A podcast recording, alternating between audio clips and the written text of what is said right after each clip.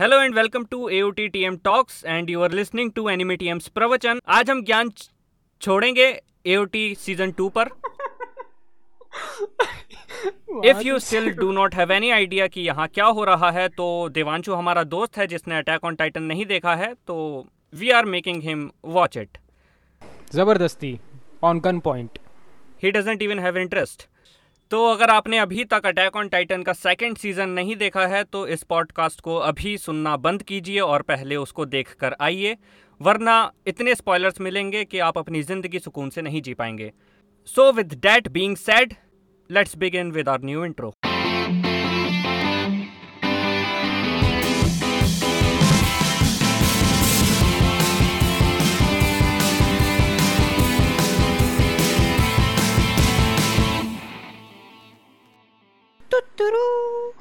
मायूशी देश।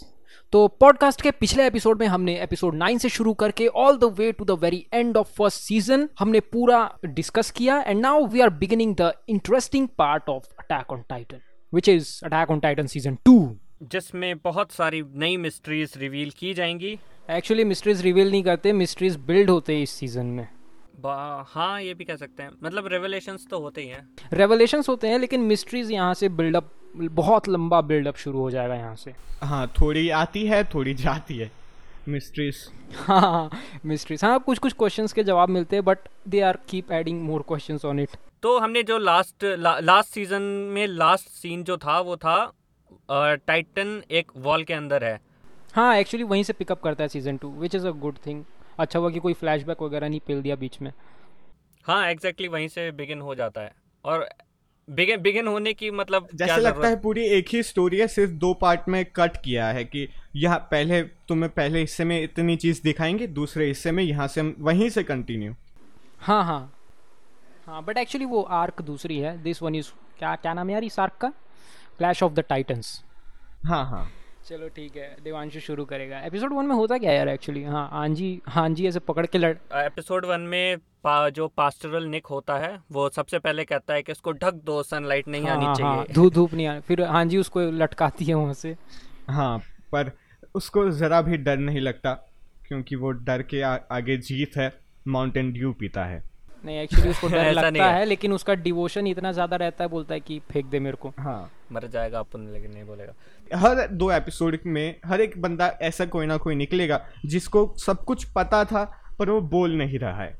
तुम देखो यार। नहीं कोई ना कोई कुछ ना कुछ छुपा के बैठा हुआ है। लाइक बहुत सारे कैरेक्टर्स हाँ। कुछ ना कुछ उनका पास्ट है या जो भी है धीरे धीरे मतलब हाँ, हाँ। सब छुपा के बैठे हैं और वो धीरे धीरे बाहर आता है। तो तो क्या क्या इमेजिन किया था तूने कि निक क्यों नहीं बता रहा है? इतना मतलब सर्वे कॉप्स अपनी जान पर खेल रही हैं इंफॉर्मेशन कलेक्ट करने के लिए और वो इतनी इंपॉर्टेंट इंफॉर्मेशन छुपा कर बैठा है।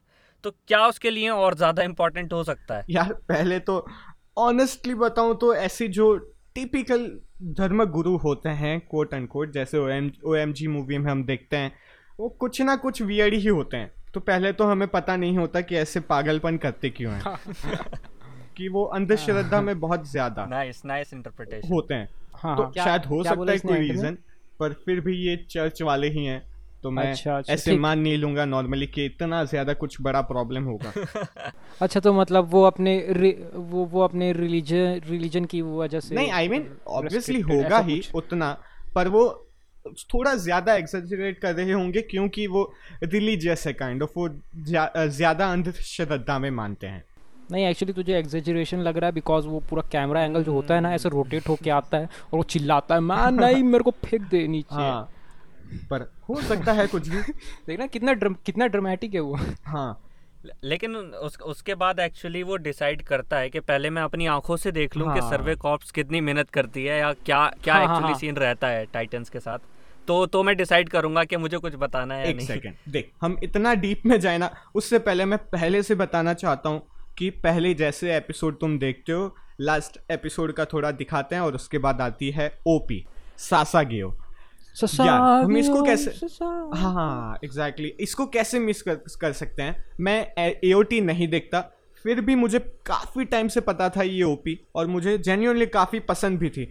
और अब कंटेक्स्ट में देखकर मैं काफ़ी खुश था। मैं तो पहले तीन चार एपिसोड देखी पूरी की पूरी। मैं जनरली वो नहीं करता फिर भी मैंने देखी। मतलब बिंज किया तीन चार सुन सुन सुन। तूने तूने पिछली ओपी के लिए कहा था कि नेशनल एंथम जैसे साउंड करती है तो इसके लिए क्या अरे कहेगा वो नेशनल एंथम यानी वो काइंड ऑफ़ टिपिकल लग रहा था। ये तो मुझे मैं भी गाऊँगा यार।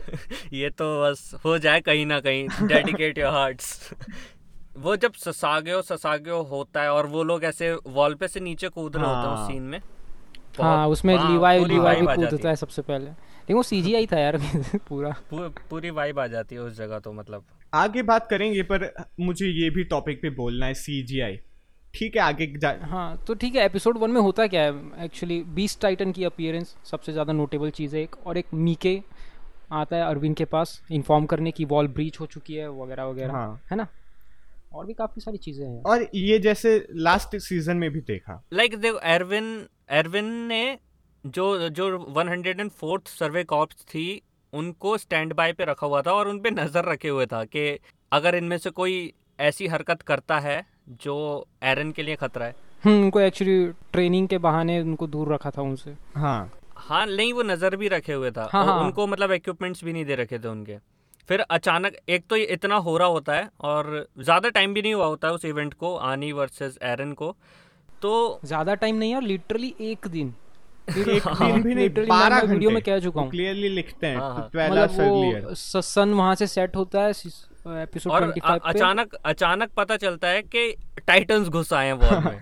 तो वहीं से स्टोरी एकदम बिगिन हो जाती है। मतलब पहले एपिसोड से ही शुरू हो जाता है सब कुछ होना। हाँ यार ये सीज़न में ओवरऑल इन जनरल मैं बात करूँ तो अटैक ऑन टाइटन अगर तुम एक ही दिन में देखोगे ना जैसे मैंने पहले दिन में नौ एपिसोड देखे थे तो यार हमें खुद को यहाँ पे सर पे बो, बोझ लगता है कि यार ये क्या है टाइटन आते ही जा रहे हैं ये बंद हो रहा है तो वो हो रहा है वो हो रहा है तो तीसरी जगह पे हो रहा है कुछ ना कुछ। तो जेन्यूनली तुम्हें भी दिमाग पे बोझ लगता है कि यार ये कितना सारे एक साथ हो रहा है। आई I मीन mean, अच्छी तर, अच्छी चीज़ है कॉम्प्लीमेंट मैं दे रहा हूँ। कि भाई इतना अच्छे से वो दिखा पाते अच्छा हैं। मतलब लेयर्स हाँ। कंटिन्यूसली ऐड होते जा रही है हाँ। एक के ऊपर एक। हाँ वो एक्चुअली थोड़ा हाँ थोड़ा मतलब Actually, क्या बोलते हैं पूरा अटैक ऑन इसे यही कहना चाहिए कि Attack on Titan is filled with content मतलब उसमें ऐसा नहीं है कि कुछ बेवजह दिखाया जा रहा है। स्टोरी वहीं फोकस करती है जहाँ आगे बढ़ने के लिए रिक्वायर्ड है। ये चीज़ एक्चुअली सिर्फ़ सीज़न टू से ही चालू होती है। सीज़न वन में तो वर्ल्ड बिल्डिंग है पूरी।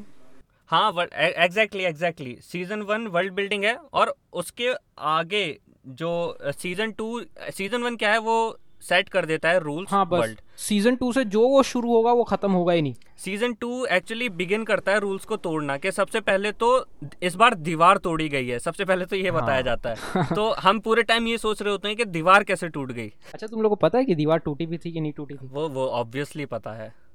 पहले दिखाते तो हैं दीवार टूटी है पर उसके बाद एंड तक ये बताते हैं कि नहीं एक्चुअली एक्चुअली दिखाते नहीं है। वो इमेजिन कर रहा होता है कोई सोल्जर कि ऐसा छेद बना होगा जिससे टाइटन्स आए होंगे। अरे नहीं तो स्टार्टिंग में क्लियरली वो तो दिखाते हैं कि टाइटन दिख रहा है उसको ढकते हैं और बोलते हैं। हम्म, अरे यार तू वो तू वॉल्स में कंफ्यूज हो रहा है। वो जो वॉल थी जिसमें टाइटन अपियर हुआ था वो सबसे अंदर वाली वॉल हाँ थी हाँ हाँ। वॉल हाँ। शीना। अब अच्छा, हाँ, जो वॉल यहाँ पे ब्रीच हुई है वो वॉल रोज ब्रीच हाँ हुई है। हाँ हाँ। वहाँ पे कुछ नहीं होता वो बहुत ढूंढते हैं। जो रोज वो कौन सी फोर्स है? जो रोज वाली या कुछ नाम है उनके? मिलिट्री पुलिस नहीं नहीं वो तो सबसे अंदर होती है। वो जिनके गैरिसन हाँ गैरिसन गैरिसन हाँ। गैरिसन वाले पूरा घूमते हैं और कमांडर पिक्सिस को बताते हैं। हानेस होता है हानेस बताता है कि नहीं कहाँ पे हाँ, कुछ भी नहीं है। कोई भी जगह पे यहाँ पे होल नहीं है। बीस टाइटन की अपीयरेंस सबसे ज़्यादा नोटेबल थी और शॉकिंग चीज़ उसमें ये होती है कि वो इकलौता ऐसा टाइटन था जो पूरी तरह से बोल पा रहा था। हाँ जेन्यूनली ह्यूमन ही लग रहा था। I mean not exactly human पर वो बात कर सकता है दिमाग चला सकता है स्ट्रेटेजी बना सकता है सब कुछ कर सकता है। हाँ और वो एक्चुअली इंटरेस्टेड था उस सोल्जर में कि ये क्या इक्विपमेंट इस्तेमाल कर रहे हैं वो जानना चाहता था थोड़ा सा। कि क्या क्या स्ट्रेटेजी ये लोग इस्तेमाल करते हैं टाइटन्स को मारने के लिए? हम्म। एंड आई थिंक उसके बाद जो सबसे नोटेबल चीज़ होती है इस सब के बाद वो साशा की बैक स्टोरी और उसका वो तो वो एपिसोड टू में होता है शायद मेरे ख्याल से। यार सबसे ज़्यादा नोटेबल चीज़ पता है तुमको क्या होती है एपिसोड वन में? बताओ बताओ। जब बीस टाइटन मीके को घोड़ा फेंक के मारता है। भाई साहब मतलब कौन इमेजिन कर सकता है कि मतलब घोड़ा फेंक के भी मारा सक, मारा जा सकता है किसी को? पर मैं उतना वो नोट नोट नहीं करूँगा क्योंकि यार वो भी बीस्ट है तुम टाइटन ही है वो भी at the end of the day तो क्या ही एक्सपेक्ट करोगे? वो हाँ smart smart kind of titan है तो वो कुछ भी कर सकता है। एट दिस पॉइंट में कुछ भी आएगा ना तो अभी मैं उतना ज़्यादा ही नहीं हो जाऊँगा सरप्राइज़ कि भाई ओ इसने इससे मारा। क्योंकि भाई हर दो एपिसोड में कुछ ना कुछ नया आता है एकदम। मैं एक्चुअली साशा को डिस्कस करना चाह रहा था क्योंकि हमने सीज़न वन के पॉडकास्ट में भी उसके बारे में कोई बात नहीं की है अब तक।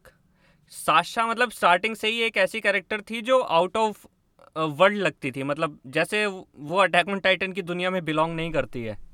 मतलब उसकी हरकतें इस तरह हाँ, की थी वो फॉरेस्ट में रहती है। But after the back story all of it kind of makes sense हाँ वो एक्चुअली में थोड़ी सी आउटसाइडर थी तो ये कहना गलत भी नहीं है कि वो आउट ऑफ़ द वर्ल्ड थी थोड़ी। हाँ इसीलिए इसीलिए। तो मतलब इस इसीलिए ना वो उसकी पूरी हंटर की स्टोरी होती है वो क्यों मतलब बाकी लोगों से उतना घुल मिल नहीं पाती हाँ। क्यों इतना भूखी रहती है खाने के लिए? सो, उसकी सोच ही एक अलग टाइप की होती है पूरी अंदर की दुनिया की अलग टाइप की थिंकिंग होती है और ये लोग की पूरी अलग टाइप की थिंकिंग होती है जो फॉरेस्ट में रहते हैं और स्पेशली शाशा वहाँ वहाँ एपिसोड टू में जब वो वो लड़का होता है लड़की छोटा सा बच्चा ठीक से याद नहीं। लड़, लड़की लड़की। हाँ तो जब जब वो उसको बचाती है मतलब वो पूरा सीन साशा के कैरेक्टर को बहुत अच्छे से हाईलाइट करता है। एक्चुअली uh, तुमको एक फैक्ट पता है। स्पॉइलर ना हो तो बता दो। वहाँ पे नहीं नहीं स्पॉइलर नहीं है। वहाँ पे एक्चुअली इसायामा ने साशा की डेथ प्लान कर रखी थी बट बाद में एडिटिंग में उसको हटा दिया गया था। वो ऐसा तो आगे कुछ ना कुछ होगा फिर शाशा से रिलेटेड नहीं नहीं ऐसा कुछ खास नहीं है। तो फिर मतलब यहाँ यहाँ मतलब डेथ हो सकती थी बट इसे हमारा चेंज हाँ, हाँ, हिज हाँ। माइंड लेटर चेंज यार ये मैं सेकंड एपिसोड में जब कॉनी के के घर पे जो उनकी उसकी मम्मी ही होती है जो टाइटन वहाँ पे होती है मैं जेन्यूनली बताऊँगा पहली बार देखा तो मेरी फटी थी। यार कितना क्रीपी फेस है। सेम सेम सेम एकदम और बोलते भी कैसे हैं। जब वो वेलकम वेलकम होम कहती है तब। हाँ। हाँ।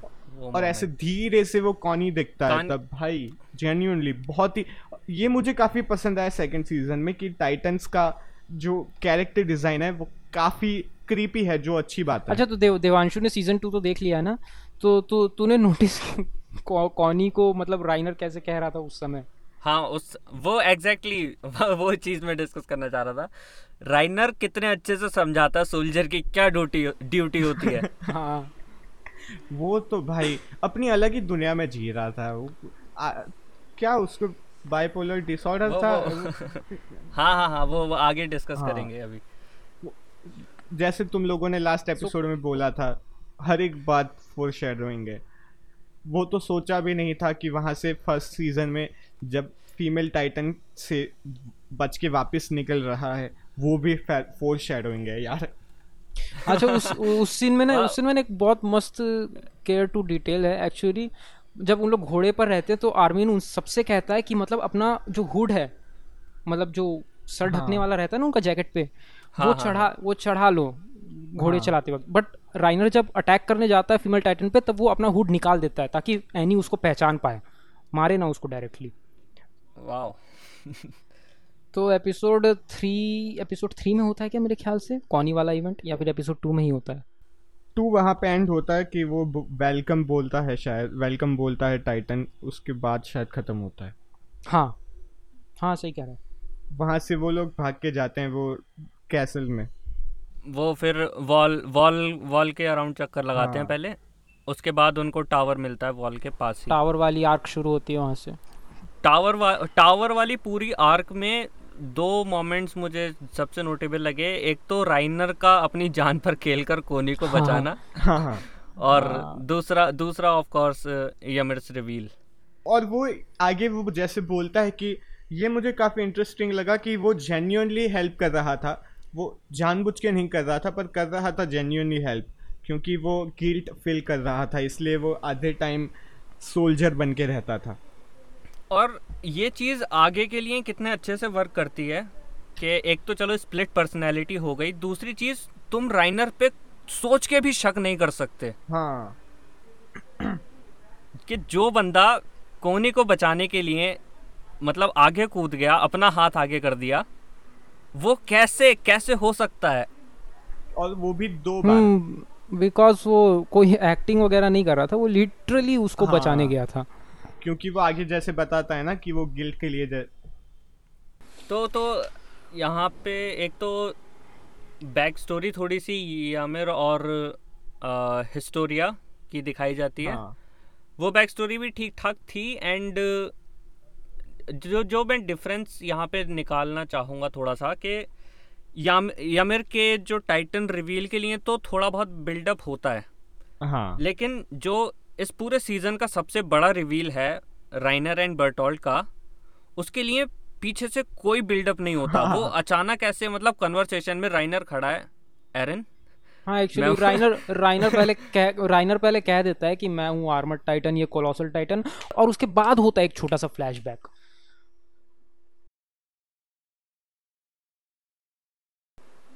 वो उस सीन की ब्रिलियंस को जितना डिस्कस किया जाए उतना कम है। मैं मतलब ऐसा रिवील मैंने कहीं और कभी नहीं देखा है। और कितने कैजुअली हम बात कर रहे हैं ऐसे बात करता है कि मतलब कोई भी राइटर हो कोई भी राइटर के पर्सपेक्टिव से सोचो तुम्हारे पास इतना बड़ा सीक्रेट है तो तुम उसके लिए कितना कुछ प्लान करोगे ग्रैंड एक्चुअली वो इस- हाँ, वो मुझे वो मुझे बहुत सही लगा यार। मतलब लोग उसका मज़ाक बनाते मीम बनाते लेकिन मुझे लेजिट बहुत सही लगा वो तरीका। हाँ, करने इसे आमा just throws it on you मैं हूँ हाँ। मैं हूँ कोलोसल टाइटन मैं हूँ आर्मर टाइटन ये है कोलोसस टाइटन हमारे साथ चलो। हमने हमने तुम्हारा जो डिस्ट्रिक्ट था वो तबाह किया था।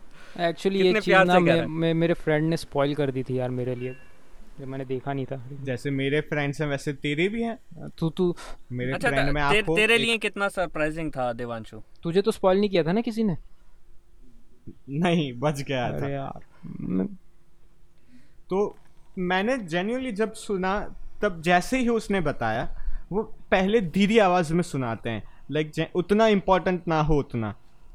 कि यार देख मैं ऐसे हूँ और ये मैंने ही किया था। इतना प्यार से बताते हैं। तो मैं भाई फिर जैसे सेंस बनाने लगा कि आर्मर टाइटन जो भी था वो उसके बाल सेम टू सेम इसके जैसे ही थे। फिर याद आया कि ओ शिट हो सकता है। और एरन भी अच्छा रिएक्शन देता है वो। यानी अच्छा, रिएक्शन अच्छा, नहीं देता उतना। एरन एरन को मैं पहले बोल रहा था कि वो बहुत स्लो प्रोसेस करता है चीज़ों को लेकिन वो सीन वो रिवील इतना बड़ा है ना कि मैं खुद उसको मतलब- प्रोसेस मतलब, नहीं कर पा रहा था कुछ टाइम कोई कोई इंस्टेंटली उसको ग्रेस्प नहीं कर पाएगा भाई। मतलब that is just impossible because characters यहाँ पे रियलिस्टिक है वहाँ पे मतलब कोई सुपर हीरो टाइप का नहीं है बंदा वो। हाँ ये भी चीज़ मुझे मैंने नोटिस करी जैसे हम बताते हैं कि ये एरन के ऊपर नहीं है पूरा एनीमे ये अटैक ऑन टाइटन है तो इस पहले कुछ एपिसोड्स में भी ऐसा नहीं था कि एरन की ही स्टोरी दिखाते हैं या हर एक चीज़ में एरन का ही पार्ट है। एरन तो साइड कैरेक्टर लग रहा है यहाँ पे। हाँ और ऐसा भी नहीं है कि फॉर एग्ज़ाम्पल दूसरे कुछ एनीमे होंगे तो अरे हाँ मेरे ख्याल से मेरे ख्याल से रजत ने ये चीज़ कही भी थी कि एरन तो अपने ही शो में साइड कैरेक्टर हो गया। कभी कभार दूसरे कोई शोनन होते हैं तो उसमें क्या होता है कि जैसे पाँच लोग जो रिकरिंग कैरेक्टर्स हैं, पाँचों की टीम तो धीरे धीरे सबकी साइड स्टोरी दिखाएँगे। सब एक एक एक एक वॉर जीतेंगे कुछ छोटी, और उसके बाद वापस सब कुछ हर एक चीज़ प्रोटैगनिस्ट ही जीतेगा। लाइक हर एक जगह पे वो तो होगा ही, पर इसमें ऐसा नहीं होता। कहीं पे बैक स्टोरी दिखाते भी हैं तो क्या पता दो एपिसोड बाद वो बंदा ही मर जाता है। अच्छा एक्चुअली वॉर की तूने बात की तो लाइक वॉर एक साइडेड वॉर कभी इंटरेस्टिंग नहीं हो सकती। जब तक दोनों साइड से कोई कुछ एडवांसमेंट नहीं कर रहा है कोई कोई किसी तरह की जीत हासिल नहीं कर रहा है तब तक एक वॉर कभी इंटरेस्टिंग नहीं हो सकती। हाँ। तो अटैक ऑन टाइटन मतलब दोनों ही तरफ़ के कैरेक्टर्स को एडवांटेज और डिसएडवांटेज देता है। और दोनों ही तरह के कैरेक्टर्स मतलब अपनी अपनी स्ट्रेटजीज पे वर्क कर रहे हैं एट द सेम टाइम तो यार ये मैं थोड़ी साइड में बात कर रहा हूँ पर तुम देखोगे तो ये मीम तो हमने काफ़ी बार देखा है कि राइनर दरवाज़ा खोलता है और कोई विचित्र बंदा पीछे से निकलता है। हाँ। तो मैंने वो एटलीस्ट पचास मीम्स देखे होंगे उसके ऊपर पर मुझे पता नहीं था कि उसके बाद भाई इतनी एपिक सिचुएशन हो जाती है। मैं वो काफ़ी इंटरेस्टेड था देखने के बाद कि यार ये मैंने कभी सोचा नहीं था इतना डेंजरस सीन अच्छा है इतना अभी देख के मैं उसको ज़्यादा अप्रिशिएट कर पा रहा हूँ। से सेम चीज़ ना मेरे साथ एक जोजो के एपिसोड में हुई थी। वो सीजर वाली मीम पता है ना तुझे? सीजर सीजर मुझे पता नहीं था मुझे लगा नहीं था कि वो सीन उस उस टाइप का होगा रियलिस्टिक में। वो भी काफ़ी मस्त हाँ। सीन है। वो अब इसको दिखाना है तरुण को हमें। और उनसे लेंगे रिएक्शन हाँ तो अगर आपको नहीं पता है तो दिस इज़ जो जो पॉडकास्ट अनाउंसमेंट हम नेक्स्ट जो जो करने वाले हैं। नेक्स्ट मतलब दो तीन एपिसोड के बाद हाँ मतलब अटैक ऑन। टाइटन फिनिश करने के बाद हम जो जो पे यही चीज़ सेम करेंगे तो हाँ। तो उस उस रिवील एक चीज़ ये भी उस रिवील के बारे में थोड़ा सा और कि जब एक्चुअली राइनर बता रहा होता है चीज़ें तो उसके बाद भी मैं मतलब एक्सेप्ट नहीं कर पा रहा था उस चीज़ को कि राइनर कह रहा होता है कि हम तुम हमारे साथ आ जाओ हम दोबारा कभी अटैक नहीं करेंगे वॉल के अंदर जो हैं वो सब सेफ़ रहेंगे। तो मुझे ऐसा लगा था कि हो सकता है राइनर टेस्ट कर रहा हो एरन की लॉयल्टी कि अगर ऐसा कोई एनिमी आके एरन से कहने लगे कि तुम हमारे साथ चलो यहाँ पे फिर सब सही हो जाएगा तो क्या एरन चला जाएगा? मैं एक बार को मैं यही सोचने लगा मतलब एक बार को मैं ये क्या लगा था। मतलब मतलब यही इंटरप्रिटेशन थी कि मतलब राइनर मज़ाक कर रहा है। हाँ। उस, और उसके बाद उसके बाद बर्टोल्ट बो, बहुत बोलता बहुत बहुत गंदा हो जाता है यार वो बहुत बेकार होता है वो। लाइक राइनर राइनर उससे पहले लाइक राइनर बैठ के मतलब एक तो मातम में होता है वो ऑलरेडी कि मैं अभी दो नियर डेथ एक्सपीरियंस किए हैं मैंने। और फटी हुई होती है उसकी। नहीं और- देयर वाज हाँ और- और अभी और- हाँ। ऐसा सिचुएशन पे था वो। हाँ और और उसके ऊपर से मतलब उसको यामिर का भी शौक उसको मिलता है। तो मुझे लगा था कि हो सकता है मतलब ये अब एरन पे भी डाउट कर रहा हो और ए, एक तरह से टेस्ट कर रहा हो उसको। लेकिन औ- पता और नहीं मेरे मेरे लिए मेरे लिए वो दिमाग में नहीं आया ख्याल कि ये क्यों नहीं क्यों हो सकता है जैसे तरुण ने बताया। उसने तो बोला और मैंने मान लिया कि भाई ठीक है यार यही है अब तो आर्मर टाइटन। हाँ मतलब तुरंत मान लिया? हाँ काइंड ऑफ़ आई मीन मैं दो मिनट अरे एक्चुअली एक्चुअली क्या है कि हम इसको बता चुके हैं ना बहुत रिवील हैं बहुत कुछ होता है। तो ये जो आ रहा है शो की तरफ़ से वो ये वो एकदम एक्सेप्ट कर ले रहा है। ये क्वेश्चन नहीं कर पा रहा उतना भी नहीं कर रहा मैं मैं काफ़ी और भी कुछ चीज़ें हैं जिस जो मैं सोच रहा हूँ कि ये ऐसा हो सकता है ये है कुछ है वो है। एक्चुअली इतन, पर- इतना डीप सोचेगा तो तू वो चीज़ एंजॉय नहीं कर पाएगा जो स्क्रीन पर चल इतना रही इतना ज़्यादा मत सोच। वैसे हाँ वैसे मुझे नहीं लगता कि मतलब राइनर बर्थोल्ट कोई भी इमेजिन कर सकता है जब तक पूरी तरह ना बता दो। वो आई I मीन mean, मैं सीधे ही जैसे बोला मैं ये हूँ तभी नहीं मान लिया था पर दो मिनट जैसे वो बताता है और एरन का रिएक्शन में कुछ देखता हूँ। तब मुझे लगा कि और सामने मिकासा का भी तुम रिएक्शन देख सकते हो कि वो कैसे रिएक्शन देती है। तब मुझे थोड़ा इसलिए शक ज़्यादा हुआ था इसलिए मुझे मैंने अच्छा माना मैं था। मैं उस टाइम तक बिलीव नहीं कर पा रहा था जब मिकासा ने उन पर अटैक कर दिया था। मैं मैं मैं सोचा कि मिकासा ठहर जा थोड़ी देर कंफर्म तो कर ले। नहीं नहीं वो थे लेकिन लेकिन सबसे अच्छा मुझे क्या लगता है मालूम है एरन सिंपली खड़ा हो जाता है ऐसे आसमान की तरफ़ देखता है बोलता है कि बहुत हो गया मेरे साथ। गुड ग्रीफ वो मतलब वो वो, वो, वो मतलब उसको एक्सेप्ट भी कर लेता है लेकिन वो उस पर रिएक्ट नहीं करता। बिकॉज़ वो बिलीव नहीं करना चाहता उस चीज़ पे। हाँ मैं मैं भी बिलीव नहीं करना चाह रहा था बोला हुआ था। अरे नहीं एक्चुअली हिंट थे अरे हिंट उसके पास सब थे हिंट उसके पास एनी आनी के टाइम पर भी था। पर वो एक्सेप्ट करना मुश्किल होता है उसके लिए क्योंकि वो चार पाँच सालों तक उन लोगों के साथ रहा है वो उन लोगों को जानता है। नहीं नहीं नहीं एक्सेप्ट करना मेरे को लगता है कि गलत ग- गलत वर्ड है। वो सिंपली मतलब अपने उसका माइंड जो है ना अपने पीक पर पहुँच गया था उस वक्त। हाँ, वो थक प्रोसेस करने की हालत में था ही नहीं वो बंदा उस वक्त। इसलिए वो सिंपली मतलब ऊपर हाँ। ऊपर देखता है बोलता है कि आ, मेरे साथ बहुत कुछ हो गया है। मुझे बे, बेस्ट पार्ट लगता है उस सीन का। यार ये सीज़न टू में एक चीज़ मैंने नोटिस करी बारह ही एपिसोड है उतना ज़्यादा कुछ है नहीं तुम शोनन के हिसाब से देखो तो। पर वो लेकिन सीज़न वन के मुकाबले में इसमें कितना कुछ हो जाता है? हाँ वो तो है पर आई I मीन mean, मैं दूसरे कोई बारह बारह एपिसोड के एनिमे देखता हूँ फॉर एग्जांपल युआसा का कोई मैं ये नहीं कह रहा वो शोनन बनाते हैं पर और वो बुरा भी होता है पर वो कभी कभार हमें लगता है कि यार ये कुछ थोड़ा ज़्यादा ही फास्ट हो रहा है। जैसे मैंने एजोकन देखा था कि वो लग रहा है कि भाई तुम्हें पंद्रह मिनट में इतनी चीज़ दिखानी है यानी वो फटाफट करके दिखाएँगे। ये लोग भले ही बारह ही एपिसोड है फिर भी थोड़ा टाइम लेके व्यूअर कोई भी चीज़ वो डाइजेस्ट कर पाए उतना टाइम देके शांति से एकदम आगे बढ़ते हैं। नहीं हाँ भले हाँ, स्टोरी ट्रीटमेंट अगर उतनी ज़्यादा ना बता मतलब पाए। ऐसा नहीं लगेगा हाँ। कि। कोई चीज़ जल्दबाजी में की जा रही है अटैक ऑन टाइटन पूरा टाइम लेता है हर चीज़ को दिखाने में एक्सप्लेन हाँ। करने में हाँ एग्जैक्टली exactly. और राइनर रिवील के बाद होती है फाइट एरन वर्सेस राइनर तो खैर फाइट तो होती है एंटरटेनमेंट हो जाता है बट अटैक ऑन टाइटन की मेन स्ट्रेंथ स्टोरी ही है तो बात करने के लिए आगे आगे कौन सा सीन पिक करना चाहिए? एरन राइनर की फाइट उसी के कारण पूरे आर्क का नाम है ना क्लैश ऑफ़ द टाइटंस हाँ तो वो राइनर आनी और वो तीनों होते हैं।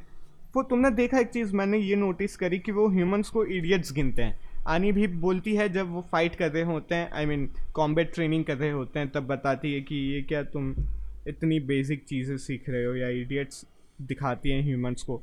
और राइनर भी बोलता है वो वॉल पे खड़े खड़े कि यार ये मैं तीन साल अपने कहाँ पे वेस्ट कर दिए?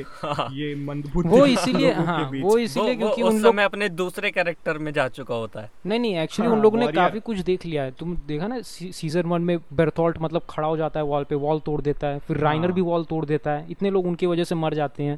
दैट्स वाई उन लोग ने बहुत कुछ झेला भी है अगर उनके पर्सपेक्टिव से देखोगे तो। नहीं उन उनके पर्सपेक्टिव से तो वो यहाँ एक मिशन करने आए हैं और बस वो इन लोगों से उनका ज़्यादा लेना देना नहीं होना चाहिए था। तो उनकी नज़र में वो लाइक इडियट्स ही हैं जो टाइटन से लड़ने की कोशिश कर रहे हैं। हाँ जैसे यार कोई पाकिस्तान से यहाँ पे जासूस आता है और यहाँ इस देश में प्यार में पड़ जाता है यहाँ का सोल्जर बन जाता है ऐसी लव चीज़ लव लव जिहाद। तो यार इसमें मैंने एक चीज़ भी देखी कि ये लोग सीजीआई काफ़ी ज़्यादा यूज़ करते हैं। उतना ज़्यादा नहीं पर आई मीन नॉर्मल एनिमे से ज़्यादा यूज़ करते हैं।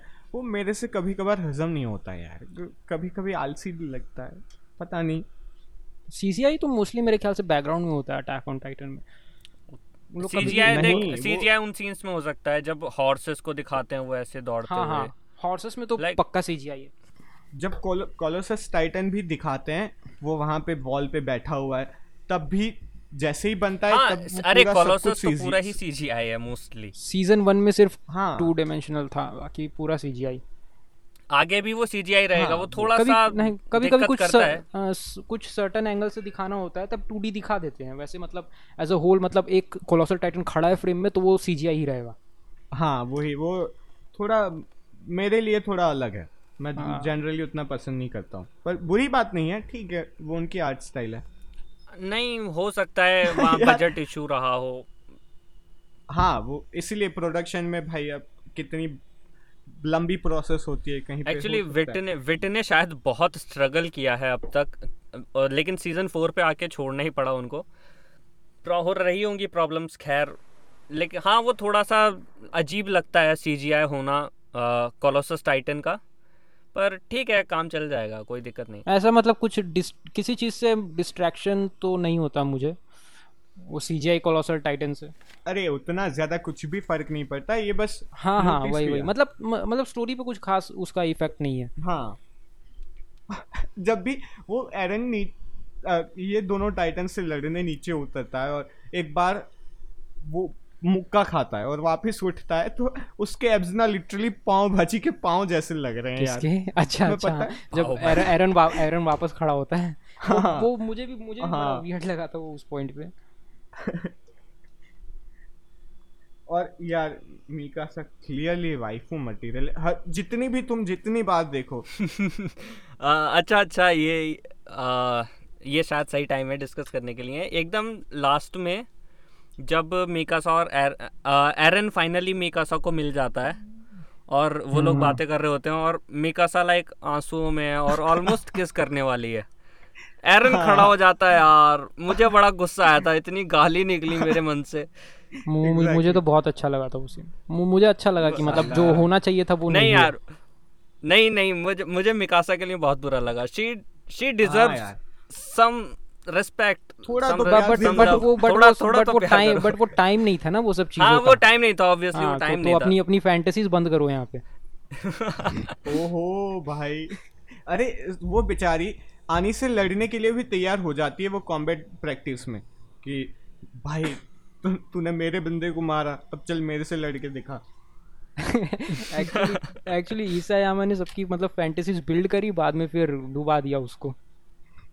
हाँ यार बहुत होता है शोज़ में ऐसा।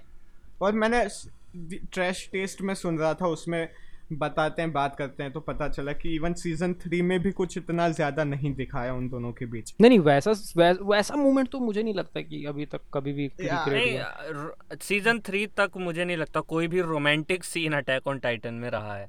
वो एक हो सकता था एक किस हो सकती थी बट वो टाइम सही नहीं था but I think Mikasa deserved some love हाँ भाई हमें दिखाओ नहीं पर एटलीस्ट प्यार से बात तो कर ले भाई तू उससे। स्कार्फ रखेगा। स्कार्फ रखेगा।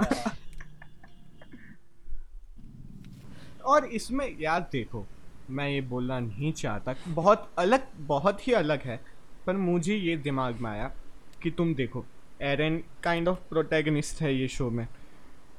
और Kind of, सामने kind. विलन्स के अभी के लिए। हाँ, अभी तो उतना kind of ही रहता है वो। तो।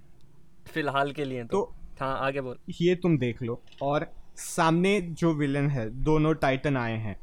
अब उनकी बैक स्टोरी पता नहीं तो अभी के लिए उनको विलन बोलते हैं।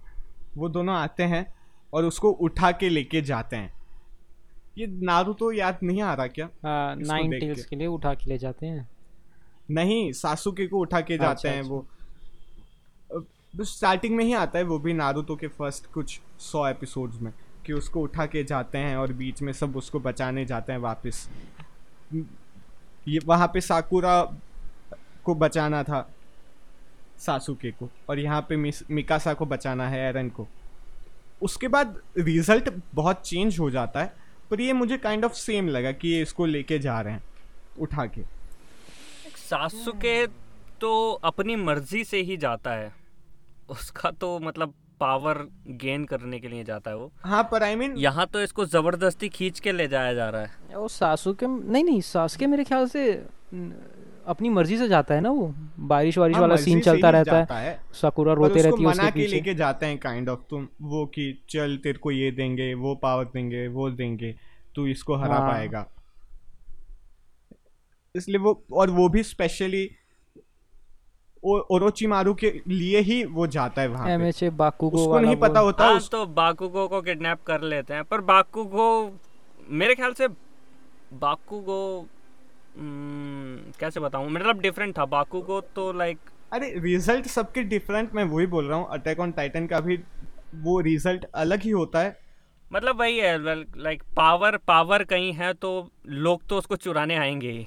और जैसे हमारे साथ यहाँ पे मुबारक भी ऑनलाइन है वो बता रहा है कि उसको भी याद आया कि माई हीरो एकेडमिया में भी बाकुगो को लेके जाते हैं किडनैप हो जाता है वो।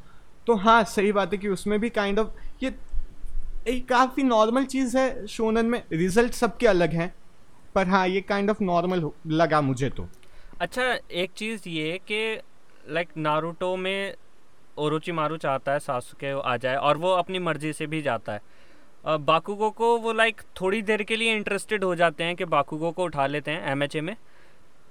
लेकिन वो बच के निकल जाता है और उस पर किसी का फिर कोई फोकस नहीं रहता। लेकिन अटैक ऑन टाइटन में लोग बार बार बार बार आते ही रहेंगे एरन को चुराने के लिए। अभी पहले आनी ने ट्राई किया अभी राइनर और बर्टोल्ट ने ट्राई किया है। अभी और लोग भी ट्राई करेंगे। यार आजा उठा जा। हर बार। आ जाओ उठा ले। लाइक like, उनके पास कोई ऑप्शन ही नहीं है। यहाँ पे लाइक like, हार है या जीत है एरन को चुरा लेना उनके लिए। मतलब जब तक या तो वो मर ना जाए या फिर उनका मोटिव पूरा ना हो जाए वो लोग रुक नहीं सकते। हाँ और जैसे हमने पहले बोला कि कंटेंट काफ़ी ज़्यादा इसमें भर भर के देते हैं तो हमें कभी कभार तुम शांति से बैठ के सो, सोचोगे ना तो तुम्हें लगेगा अच्छा यार ये तो ये सिंपल चीज़ थी ये था ये क्यों नहीं सोचा? पर तुम खुद देखोगे ना तब तुम्हें लगता है कि यार ये इतनी सारी लड़ाई हो रही है यहाँ से वो आ रहे हैं यहाँ से यहाँ टाइटन आ रहे हैं। तो तुम खुद भी याद नहीं कर पाओगे कि अच्छा ये चीज़ वहाँ पे हुई थी तो ये थियोरी हम बना सकते हैं। वो तब काफ़ी ज़्यादा हार्ड हो जाता है सोचने के लिए तुम इवन तुम्हारे लिए भी। हम्म। इतनी लड़ाई होती रहती है। तुम यार लड़ लड़ लड़ने पे फोकस करोगे या थियोरी के लिए? तो वो दो कैरेक्टर एरविन और हाँ जी वो अच्छी तरह से करते हैं। एनालिसिस नहीं लीडरशिप हाँ काइंड ऑफ़ वो स्ट्रेटेजी बनाते रहते हैं। हाँ। मतलब एरविन प्लान बनाता है हाँ जी एग्जीक्यूट करती है। हाँ वैसे उतना हार्ड नहीं हो जाता पर जब तुम वो चीज़ें इतनी हार्ड नहीं होती इन नॉर्मल सिचुएशन सोचो पर ये पूरी बैटल फ़ील्ड है। वो इतने लोग मर रहे हैं उन्हें लड़ना है इतना ज़्यादा फोकस उस पर है। तब तुम ये सब थियोरी नॉर्मल बंदा नहीं सोच सकता। उसके लिए एरविन जैसा या इसके जैसा कोई बंदा चाहिए। हाँ जी जैसा। हम्म। अच्छा हम बहुत देर से बहुत देर से हम डिस्कशन कर रहे हैं। ऑडियंस को थोड़ा सा ब्रेक देते हैं। मैंने रैपिड फायर थोड़ा प्रिपेयर किया है। ठीक है देवा ये सीधे देवांशु की तरफ़ फायर way- होंगे। बाय द वे ऑडियंस आपको बताते हैं मुझे और रजत को अभी जाके पता चला कि ये ऐसे हुआ है तो जो भी होगा वो एकदम सही रिएक्शन होगा हम सबका। बताओ ये ये हमारे ये हमारे लिए भी प्लॉट ट्विस्ट था बहुत बड़ा। और देखो कितने कितना आराम से बता दिया। मैंने मैंने रैपिड फायर तैयार किया है। पा, पाँच साल पहले तुम्हारी माँ हाँ ये ये सेकंड पोजीशन पे सेकंड सेकंड पोजीशन पे रख सकते हैं इस प्लॉट ट्विस्ट को। तो तो देख शुरू के पाँच छः तो लाइक दो में से एक चूज़ करना है। और उसके बाद थोड़ा थोड़े बहुत मतलब नॉर्मल टाइप क्वेश्चंस होंगे। तो देव सबसे पहले मतलब देवांशु के लिए ही है। बाद में रजत को अपने ओपिनियंस देने हो तो चलेगा। हाँ मतलब देवांशु आंसर देगा अपन डिस्कस कर लेंगे थोड़ा सा। हाँ बाद में तो एज वाइफू मिकासा या हिस्टोरिया आ यार। ऑब्वियसली मिकासा ऑब्वियसली मैं तीन बार बोल चुका हूँ। हिस्टोरिया हिस्टोरिया यार बी, बीच में ऐसे मत करो अभी। थी, थी, नहीं लेकिन मैं इससे सहमत नहीं हूँ। हिस्टोरिया बेस्ट हाँ। अपनी तरफ़ से विस्टोरिया तू वो रख ले चलेगा मैं मिकासा रख लूँगा अच्छा एज अ फाइटर मिकासा या लीवाई? ली भाई अ, मिकासा या आनी? एज फाइटर कैसे भी ओवरऑल कुछ भी। मिकासा यार ऑब्वियसली शायद हो अच्छी भी होगी तो नहीं एक जगह तो लीवाई चूज़ कर लिया। यार जब वो सीज़न वन में एनी एनी की उंगलियाँ काट देती है फिर उसके मुँह पे आके खड़ी होती है तब उसका फेस देखा तुमने मिकासा का? हाँ, यार वो उस समय वो इतने वो... गुस्से में होती है। नहीं नहीं गुस्से की बात नहीं कर रहा हूँ मैं, अच्छी है, कितनी no सुंदर है यार वो। सुंदर तो भाई सुंदर की बात मत कर ठीक है? यार ऑडियंस हम सबको ना। ऑडियंस क्या क्या बात करते हुए सुन रही है ऑडियंस का तो सोचो। ठीक है ठीक है hot Mikasa pics Google dot com नहीं नहीं नहीं इस इस नज़र से नहीं देखता कभी। अच्छा एरन को तो इस नज़र से देखते हो। अच्छा अच्छा एरविन या आर्मिन एरविन एरन वर्सेस आनी या एरन वर्सेस राइनर कौन सी मुझे ऐसा लगता है यार अरविन और नहीं एर, एरविन और आर्मिन थोड़ा वियर्ड कॉम वो है मतलब। हाँ एग्जैक्टली exactly. हाँ. वो अरविंद बेचारा अपने स्ट्रगल्स हैं उसके।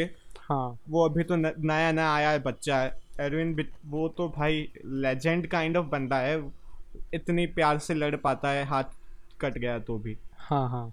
चलो अगला कंटिन्यू करो हाँ एरन वर्सेस आनी या Eren versus Reiner? Reiner. Eren versus Reiner. मतलब as a fight as a fight हाँ हाँ fight I will still prefer Eren versus Annie Eren versus आनी की एनिमेशन बहुत ज़्यादा अच्छी थी. एनिमेशन अच्छा है पर मुझे वो फाइट में नहीं एनिमेशन एक्चुअली दोनों की बहुत अच्छी है लेकिन ये इसमें क्या है, थोड़ा बर्जर्क और एरन रहता है ना उसकी वजह से. वो चीक मुझे इसलिए पसंद और बोलता मुझे इसलिए पसंद आया क्योंकि वो जब भी लड़ वो जब भी लड़ता है तो नियरली जीत नहीं जाता है पर फिर भी नहीं जीत पाता है। कि वो सेकंड ऐसा नहीं है कि वो ऊपर बैठा ही रहा सेकंड कोलोसल टाइटन वो इसलिए मुझे थोड़ा काफ़ी इंटरेस्टिंग लगा कि फिर भी वो बच गया armour titan favourite character from AOT अभी तक तो लिवाई यार।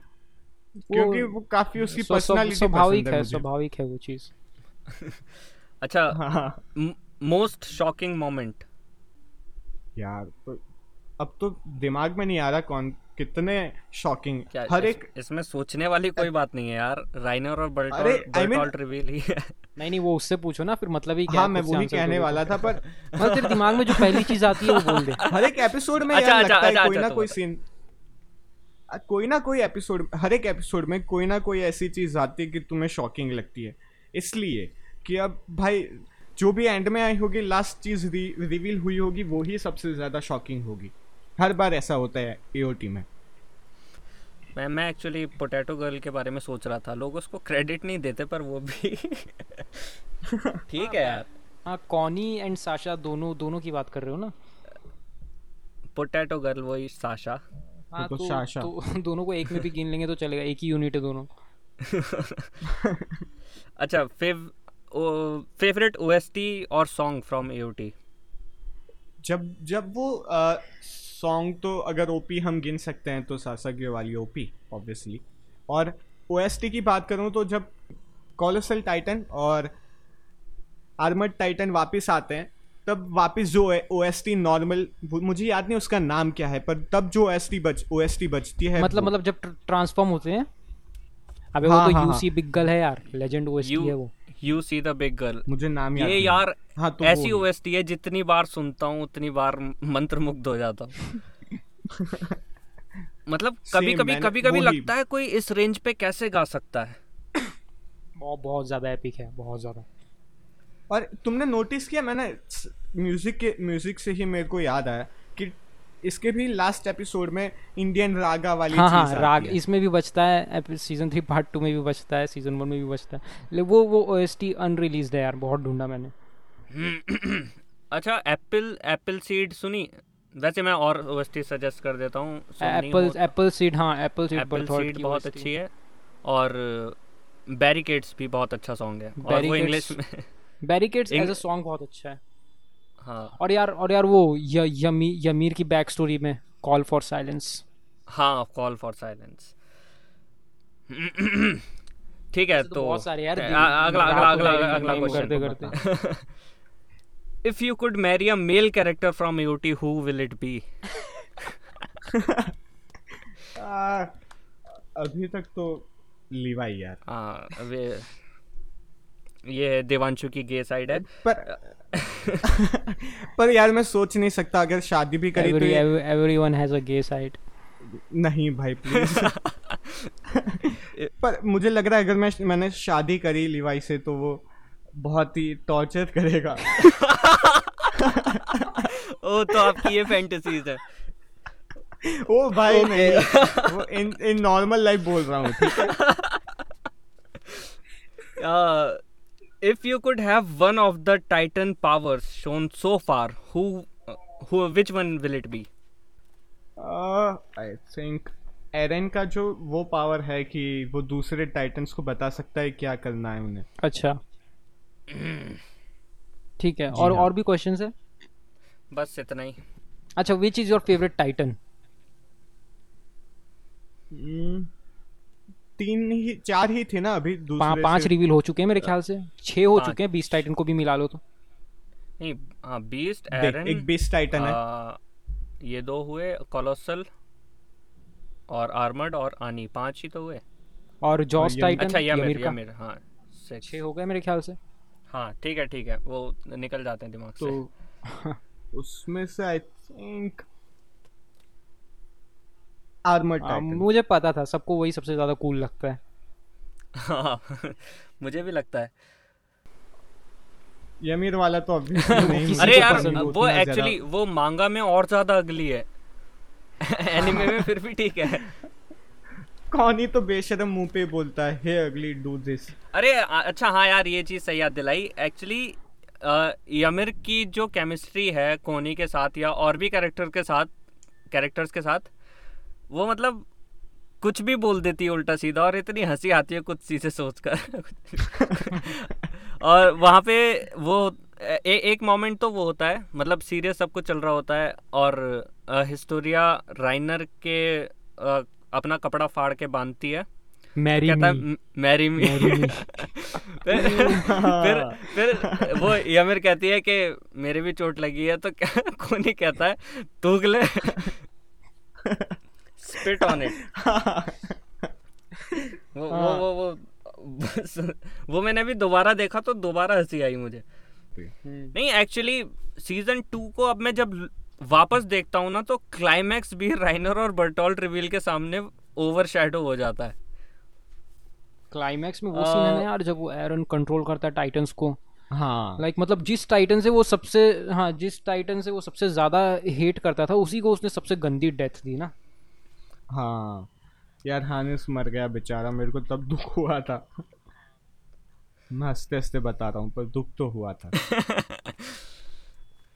नहीं एक्चुअली जब जब वो टाइटन का मतलब फेस एकदम से दिखाया जाता है तो कितना मतलब क्लोजर मिलता है कि फ़र्स्ट एपिसोड से शुरू हुआ था और अब जाके इस आर्क को एक क्लोजर मिल रहा है। हाँ वो भी यार कितना अगली दिखता है। क्या आर्ट वर्क थी यार वो पर्टिकुलर फ्रेम में।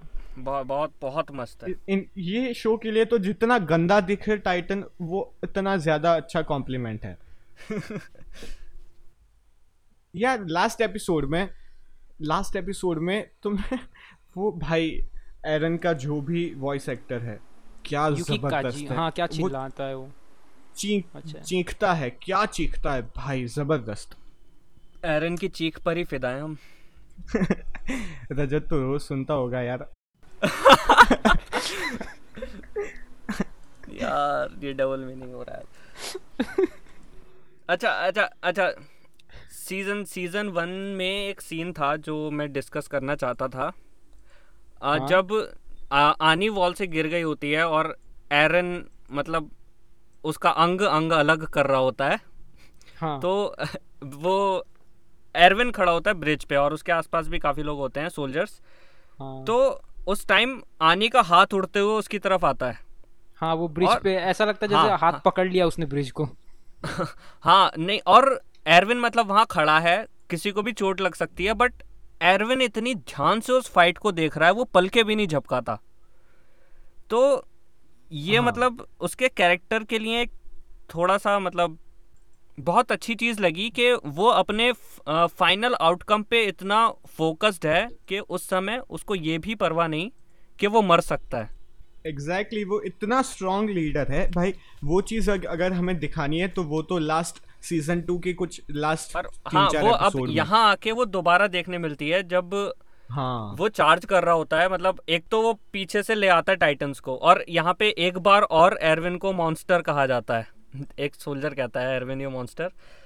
उसके बाद वो चार्ज कर, करवा के वहाँ ले आता है टाइटन्स को और अचानक से एक टाइटन उसका एक हाथ अपने मुँह में भर के उसको ले गया। हाँ तब भी वो चिल्ला रहा है जाओ आगे जाओ।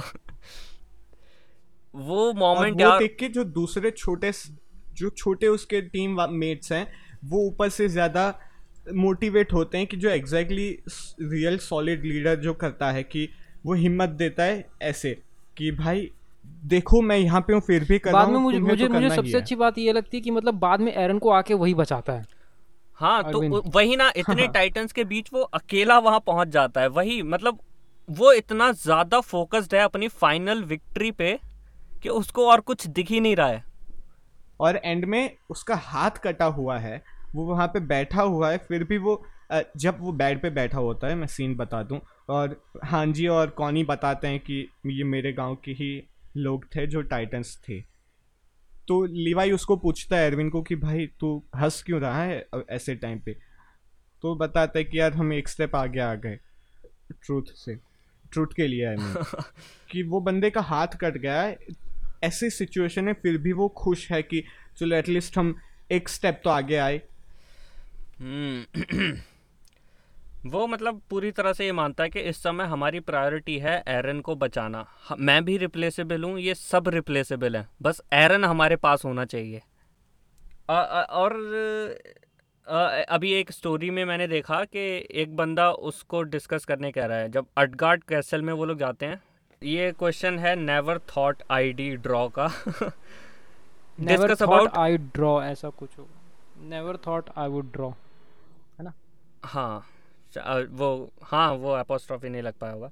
तो ये है discuss about Utgard castle it is stated that Utgard castle was use by bandits but it was actually use by Zeke जो आगे कैरेक्टर रिवील होगा।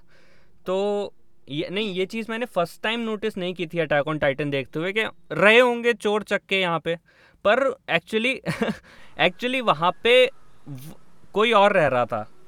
लाइक like, स्पॉइलर हो सकता है काइंड ऑफ़ हाँ हो गया। ये ये चीज़ कहाँ पे ये चीज़ कहाँ पे मेंशन की गई है? ये जब वो लोग अटगार्ड कैसल में जाते हैं मतलब रात हो गई होती है वॉल का उन्होंने चक्कर लगा लिया होता है उसके बाद वो लोग कासल में जाते हैं। तो उनमें से मतलब एक बंदा कहता है कि ऐसा लगता है कि अभी अभी यहाँ पे से कोई मतलब गया है। मतलब अच्छा। ह्यूमन ट्रेसेस हैं वहाँ पे।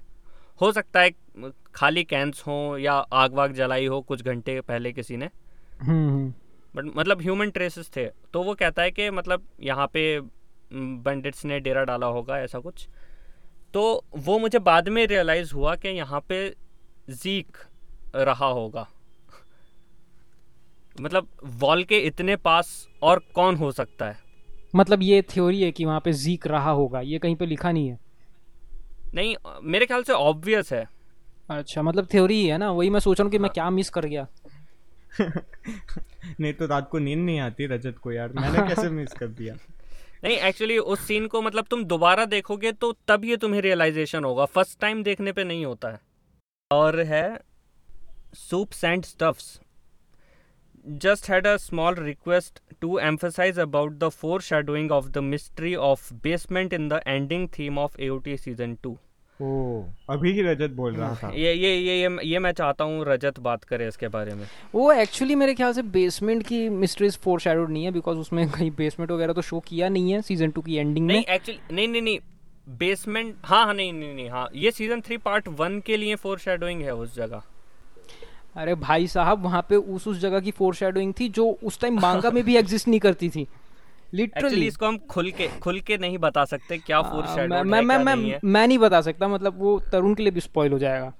बिकॉज़ अभी तक उस, उसमें से काफ़ी सारी चीज़ें ऐसी है जो अडेप्ट नहीं हुई है। देवांशु के लिए तो ऑब्वियसली स्पॉइलर है ही है।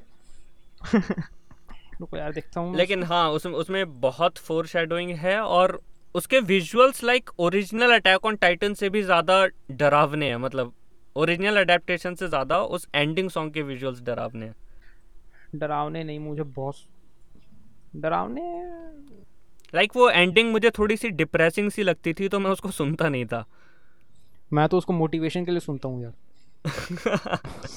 हाँ हाँ इसीलिए इसीलिए रोज डिप्रेशन के मैसेजेस भेजते हो और वीडियोस नहीं बनती हैं। नाइस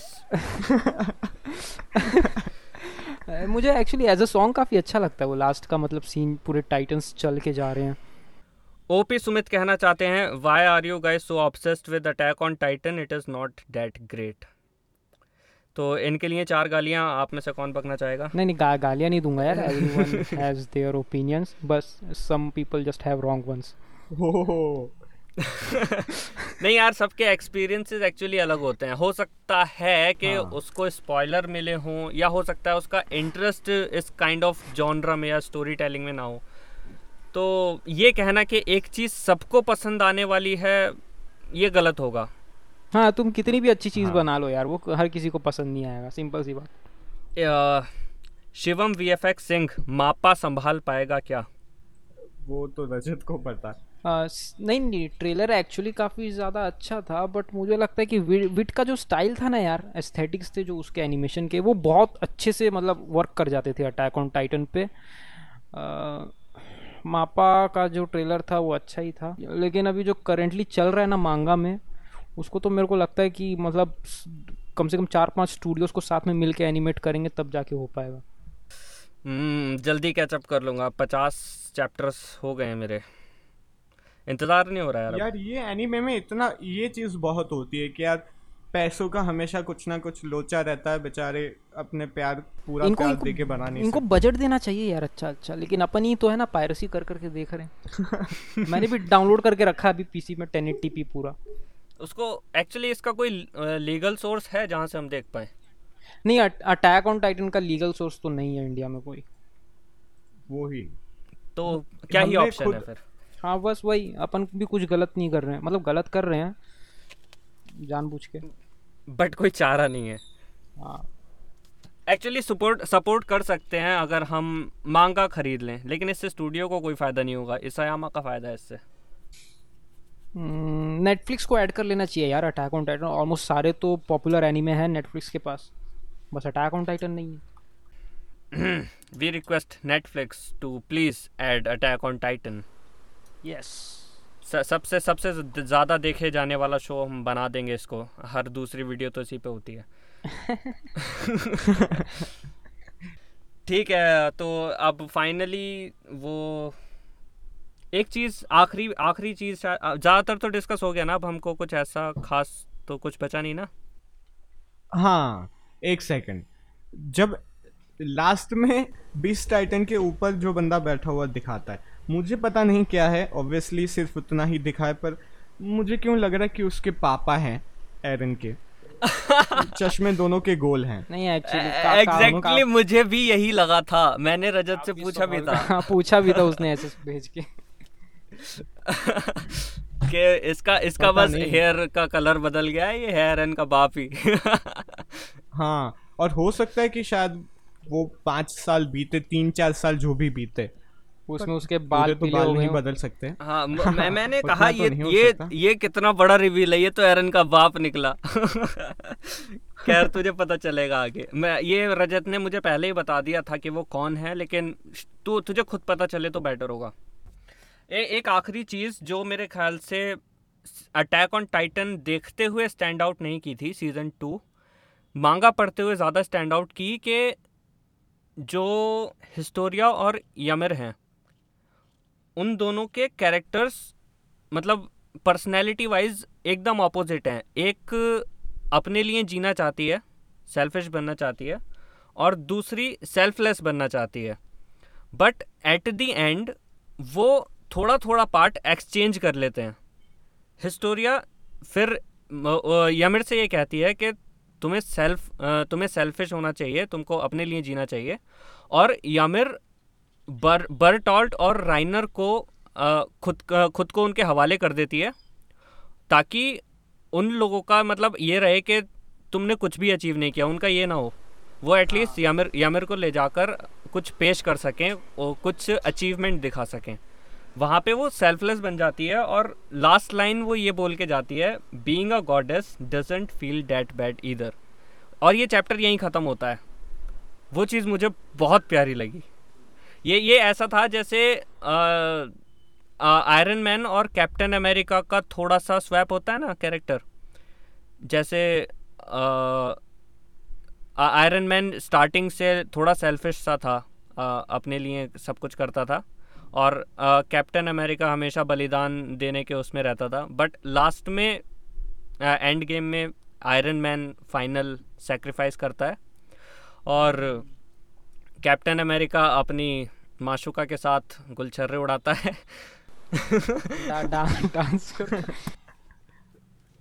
तो ये ये ये चीज़ मुझे बहुत अच्छी लगी मतलब इस इस जगह पर सीज़न सीज़न टू का एंड हुआ मतलब मांगा में। अच्छा यम, यमी, यमीर की एज कितनी है तुम लोग को पता है क्या? साठ साल तो वो वही बता साठ साठ साल वो टाइटन बन के घूमी है। हाँ हाँ। आ, तो मतलब टाइटन कम का से भी कम- होता है। अ, कम से कम पिछहत्तर से अस्सी साल तो उसकी एज है। आ, हाँ हो सकता है शायद। नहीं अस्सी ज़्यादा होगा। नहीं पंद्रह बीस तो ऐड करोगे ना सिक्सटी में। पंद्रह पंद्रह सोलह का तो एरन भी है। हाँ एक चीज़ मैंने यार ये मुझे इस सीज़न में ये थोड़ी पसंद नहीं आई कि हर एक बंदा कुछ भी जैसे ही वो स्वॉर्ड उठाता है उसकी बैक स्टोरी दिखाते हैं। हर एक बंदा लिटरली हाँ फ्लैशबैक्स यहाँ पे बहुत आने लगते हैं काफ़ी जगह। उतना ज़्यादा नहीं यार, और मांगा मांगा में तो ये मुझे बहुत ज़्यादा अनोइंग लग रहा था। एनिमे में तो लाइक डाइजेस्ट हो जाता है पर मांगा में तो लिटरली ये लोग कह रहे हैं कि अरे मुझे ये क्यों याद आ रहा है? हाँ हर एक बात पे लिटरली थोड़ा अनोइंग हो जाता है वो लेकिन फ्लैशबैक्स और बैक स्टोरीज भी ज़रूरी होती हैं प्रोग्रेशन के लिए। हर एनिमे इस चीज़ का इस्तेमाल करता है। हाँ ऑब्वियसली यूज़ के लिए ना नहीं है पर इतना ज़्यादा नहीं। पर ठीक है चलता है यार उतना तो। तो मेरा मेरा एक सवाल है यार मतलब for the entire season two of Attack on Titan मतलब मतलब where do you rank it among all the seasons like like, मैं तो रैंकिंग उसी हिसाब से देना चाहूँगा जितने में वो जैसे जैसे वो रिलीज़ हुए हैं हाँ ये ये एक्चुअली बहुत सेंसिबल चीज़ है बिकॉज़. कॉन्स्टेंटली इम्प्रूव होता ही है बट बहुत लोग ऐसे भी है ना जिनका कहना है कि मतलब Attack on Titan season two is the worst season वगैरह वगैरह नहीं नहीं नहीं ऑब्वियसली यार सीज़न सीज़न वन से तो लाइक like, बहुत ज़्यादा यहाँ पे एडवांसमेंट हुई मैं। मैं एक्चुअली मैं एक्चुअली मैं एक्चुअली उस ओपिनियन को समझ नहीं पाता हूँ कि मतलब ऐसा क्यों है आज तक किसी ने एक्सप्लेन तो किया नहीं मुझे कि मतलब क्या चीज़ बुरी लगी सीज़न अरे हो सकता है ऐसा हो सकता है कि जैसे तुमने भी सीज़न टू नहीं देखा था और सीज़न थ्री के आने पर सीज़न टू देखा। नहीं सीज़न हाँ। ये वीडियो में कहा था किसी ना किसी इसीलिए मैं कह रहा हूँ। तो हो सकता है काफ़ी और लोगों ने भी सीज़न टू तब ना देखा हो फिर देखा हो एक बार में पूरा देख दिया फिर उनको लग रहा है कि सीज़न थ्री बेटर बिल्ड हो रहा है तो उसके कंपैरिजन में सीज़न टू उन्हें बेकार लगा। खैर पता नहीं कुछ भी नहीं तो हो नहीं सकता है। फैक्ट फैक्ट ये था कि मतलब सीज़न टू आया एक तो चार साल बाद ऊपर से उस पर सिर्फ़ बारह एपिसोड थे तो वहीं से खट्टा हो गया मेरे ख्याल से लोगों का मन। हाँ लेकिन पाँच सालों में पाँच सालों में हाइप भी तो कितनी मर जाती है। अगर अभी एम एच ए पाँच सात सालों के लिए डिसकंटिन्यूड हो जाए और फिर आके हाँ उस वक्त मतलब उस वक्त उस वक्त बात ये भी थी कि मतलब जब Attack on Titan season two air हो रहा था तब My Hero Academia season three भी एयर हो रहा था। और तब माहिरो अकेडमिया की मतलब जो हाइप थी ना वो उसके पीक पर थी उस वक्त। अटैक ऑन टाइटन कहीं था ही नहीं उसके आगे हाइप के मामले में। हम्म पर अच्छी अच्छी बात है। अच्छी चीज़ें थोड़ी अंडररेटेड रहनी चाहिए। चलो ठीक है। लाइक like, ऐसा ऐसा नहीं है यार कई लोग इसको ऐसे इंटरप्रेट कर सकते हैं कि मैं एमएचए को बेकार बोल रहा हूँ। वो भी अच्छा लगता है मुझे। But Attack on Titan is on another level हाँ मुझे भी वैसे पसंद है काफ़ी एम एच रजत तूने देखा है? एनिमैक्स पे देखा था यार। ये कैसी बात कर रहा है यार? वो तो एनिमेक्स पे हम सबने कोई ना कोई नहीं एनिमैक्स पे देखा था मैंने लिटरली लेकिन आज तक कभी देखा तो थैंक यू गाइज़ यहाँ तक हमें सुनने के लिए। अगर आप एपिसोड थ्री में एंड तक पहुँचे हैं तो भाई साहब आपकी सहन शक्ति बहुत ही ज़्यादा है। अगर आप हमें कोई क्वेश्चन पूछना चाहते हैं जो हम अपने अगले एपिसोड में फीचर करें तो आप ये पॉडकास्ट का स्क्रीनशॉट लेके अपने स्टोरी पे डालें और हमें टैग करके क्वेश्चन पूछ सकते हैं जो हम ट्राई करेंगे अगले एपिसोड में हम आंसर करें। बस ये मत पूछना कि वुल्फ चिल्ड्रन कब रिलीज़ होगी। हाँ कराओ के क्योंकि रजत बना नहीं रहा है। पंद्रह रिलीज़ डेट है पर मुझको लगता नहीं पंद्रह तक वो हो पाएगी। तो रज, जो भी गाली बकनी है एनिमे टीएम को ना बकें सिर्फ़ रजत को बकें। तब तक के लिए see you in our next episode